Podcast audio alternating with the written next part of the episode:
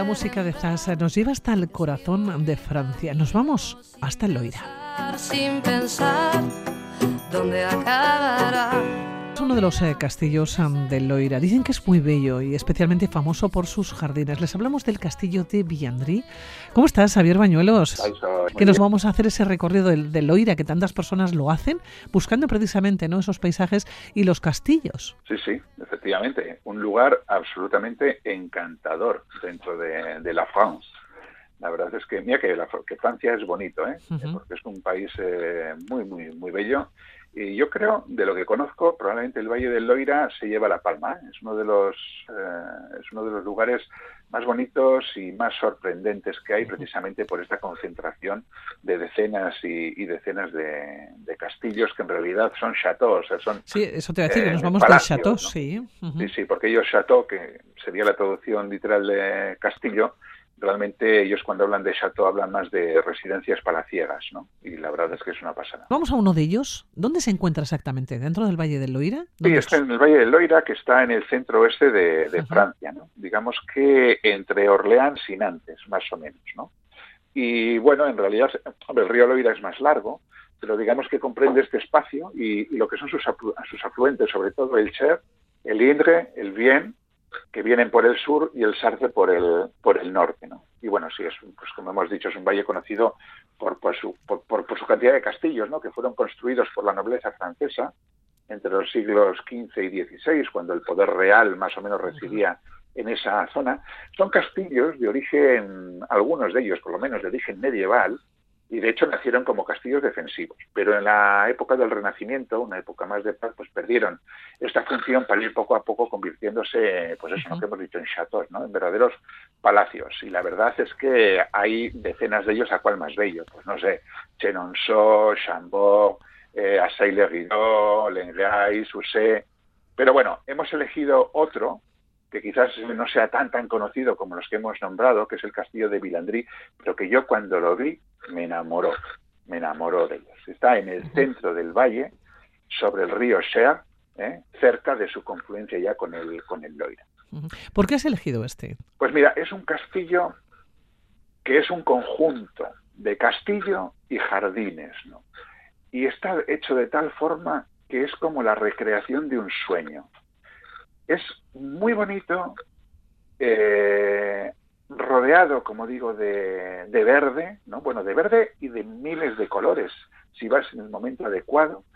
Y es un, eh, es un lugar de tranquilidad, de paz, lleno de encanto, tremendamente armoniosa, pero a la vez con cierto toque de misterio, ¿no? Y me parecía que entre los castillos de, del Loira es uno de los que, de los que hay que reivindicar.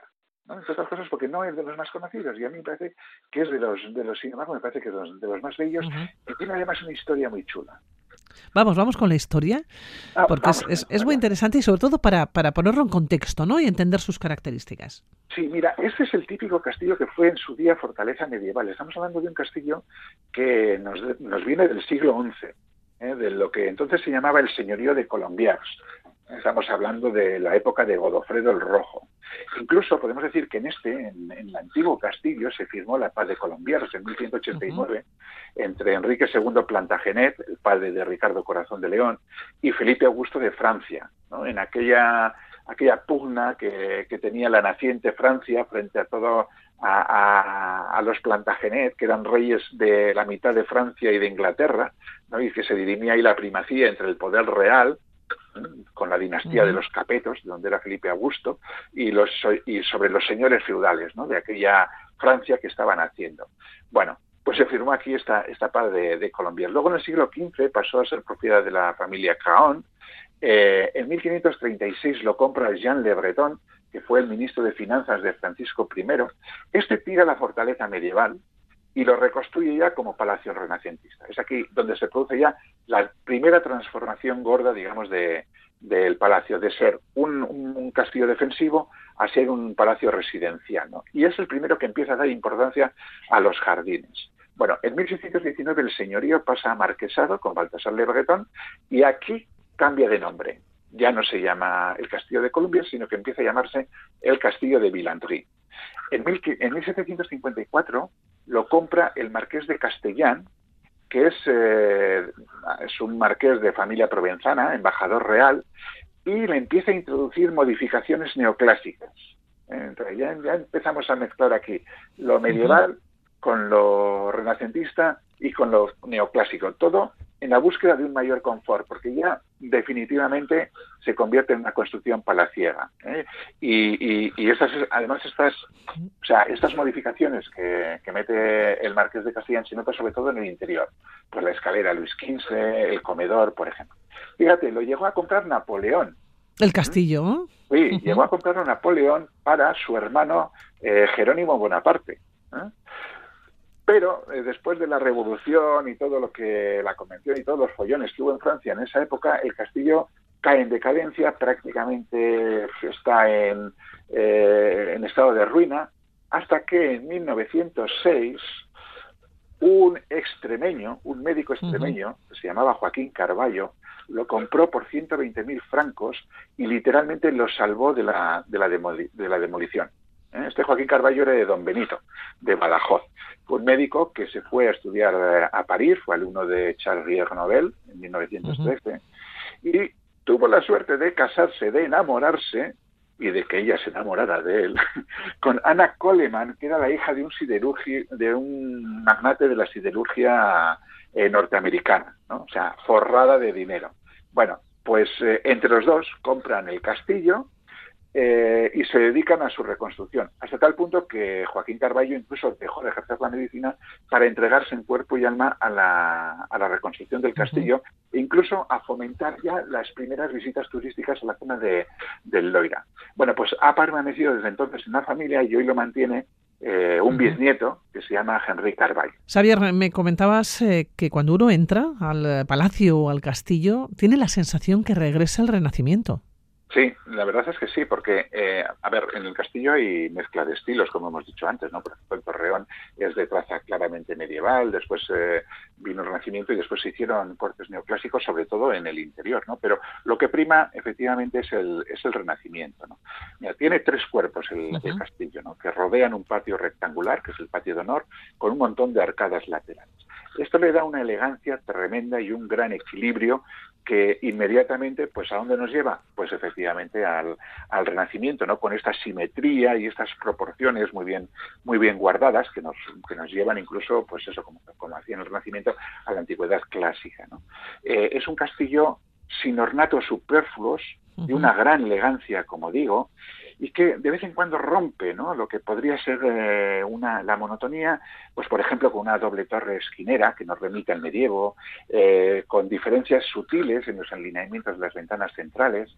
La verdad es que eh, es, es, una preciosidad y sobre todo es, un, es una sinfonía de armonías, ¿no? Y eso es lo que a mí me gusta y es lo que a mí me lleva sobre todo a pensar en esa época renacentista. Y luego están los jardines. Eso te iba a preguntar, los jardines, porque estoy viendo las imágenes, las fotografías del, del, chateau y los jardines llaman la atención. Probablemente no se entendería, ¿no? El, el, castillo o el palacio no se entendería sin ellos. Exactamente, porque yo creo que son eh, el segundo plato fuerte, o igual hasta el primero, más, más incluso que la, que la arquitectura, ¿no? Eh, al parecer los, los, jardines han estado presentes desde siempre, ¿eh? pero han sufrido diversas modificaciones. Eh, fíjate, desde que, digamos, eh, rompe el jardín eh, más potente, que es en el Renacimiento, hasta el estilo inglés y el estilo romántico, que es el que prima actualmente. ¿no? sin embargo, fue Carballo quien empezó, o sea, porque después de la gran decadencia, pues todo, todo entra en un proceso de, derrumbe, no solamente el castillo, sino también todo lo que le rodea. ¿no? Y es también Carballo quien empieza a recuperar el jardín renacentista eh, y además lo hace investigando mucho sobre cómo se podía hacer y reinventándolo de alguna forma. ¿no? Y de hecho contrasta, contrata a dos paisajistas andaluces muy famosos en su tiempo, que eran Antonio Lozano y Javier de Binhuisen, eh, Javier de Benjuisen, sobre todo el jardinero, está considerado el jardinero de la generación del 27 y, por ejemplo, pues eh, fue el autor de los jardines del Palacio de la Moncloa. Entonces, entre ellos dos forman lo que actualmente son los, los jardines. ¿no? Eh, y, hablo de jardines en plural porque en realidad podemos hablar de varios, ¿no? están como a varios niveles. Ya tenemos hasta, podríamos hablar hasta de seis jardines diferentes. ¿no? Estaría, por un lado, el huerto ornamental, que es el más grande del mundo, ¿eh? con 60.000 hortalizas. Hay unas bertas, Pilar, preciosas. Pero cuando digo preciosas no porque sean grandes, elegantes, se puedan... No, no, es que no, porque son, bonitas de ver. Sí, perfectas. ¿no? Claro, está inspirado en los huertos monacales del Renacimiento y anteriores, ¿no? Y básicamente tiene hortalizas. Y tiene forma de damero con motivos geométricos, haciendo juegos de formas y de colores, eh, cenadores y demás. Es un jardín netamente estacional, lógicamente, ¿eh? porque digamos que tiene frutas de temporada. Luego tenemos el jardín ornamental, ¿eh? donde se juegan cuadros con setos de boj y flores en su interior, eh, dentro del jardín ornamental tenemos tres jardines más pequeños, ¿no? El jardín del amor, que es un juego de alegorías de los cuatro tipos de amor, el tierno, donde se forman corazones separados por las llamas del amor y ocultos en máscaras, el amor apasionado con corazones rotos y el laberinto evocando la danza, sí, lo estoy viendo, eh, ¿eh? el trágico con olas de espadas y puñales con flores rojas, el infiel, ¿no? que son cuatro abanicos, que es el símbolo del efímero, ¿no? con cuernos de amor traicionado, ¿no? y cartas a la mujer infiel, en fin, y todo con flores amarillas, que también es el, color, digamos, que representa la, infidelidad. Claro, es muy curioso, pero cuando entras en, las redes sociales o entras en, Google y pones el nombre... Eh, castillo de Villandrí, escrito así, eh, con Y al final. Lo primero que sale sí que es el castillo, pero una imagen muy pequeñita. Lo demás son todos los jardines. Claro, es que son impresionantes es que estamos hablando de jardín ornamental. Bueno, pues a partir de los jamones que tienes, del, del amor tienes el jardín de las cruces, donde son todo cruces, cruces de Malta, cruces de Languedoc, y los que vayamos de aquí tenemos que ir a buscar la Coa Basque, ¿no? Porque también tenemos la Uburus, ¿no? Y luego tenemos el jardín de la música, con triángulos y, y figuras simbolizando arpas, liras, candelabros. Luego tenemos el jardín aromático, que es un, jardín entero dedicado a las plantas medicinales y a las especias traídas de, Asia y de América. Tenemos un, muy bonito laberinto. Un laberinto no puede faltar en un, jardín de estas características, que es un laberinto además en enramada. Luego tenemos el Jardín del Sol. Este es más reciente. Este creo que es de 2008 y está inspirado en un diseño de Joaquín Carballo, ¿eh? Eh, desde la época de, él, ¿no? Eh, pero el, diseño actual es de Luis Benet. bueno, pues sí, la fuente está hecha por Arnaud de San Juan, en fin. Pero lo interesante es que tiene 301 especies distintas de, plantas y más de 6.000 plantas. O sea, es un señor jardín enorme. Bueno, increíble. Tenemos que dedicar tiempo a los jardines. Al castillo también, pero los jardines... Del agua, sí. Ahí a busca serenidad. ¿Eh? serenidad, limpieza, sobriedad, un gran estanque estilo Luis XV a modo de espejo, en fin, una auténtica maravilloso, una preciosa colección además de pintura. Sí, porque fueron fueron coleccionistas de pintura y reunieron un, grupo de, de, buenas de buenas muestras de, pintura española y tenemos pues no sé tenemos a Zurbarán, tenemos a Alonso Cano, tenemos a Berruguete, eh, no sé a Juan de Arellano, así que me, que me acuerde ahora y bueno, pues la verdad es que no es el Look, no es el Prado, pero bueno, tienen una colección bastante interesante con obras selectas de todos estos autores y que yo creo que merece la pena también dedicarle un ratito. Pues un destino que lo tenemos eh, cerca, el eh, Valle de Loira, podemos recorrerlo, podemos acercarnos a los diferentes chateaux y quédense con este, con este chateau de Villandry.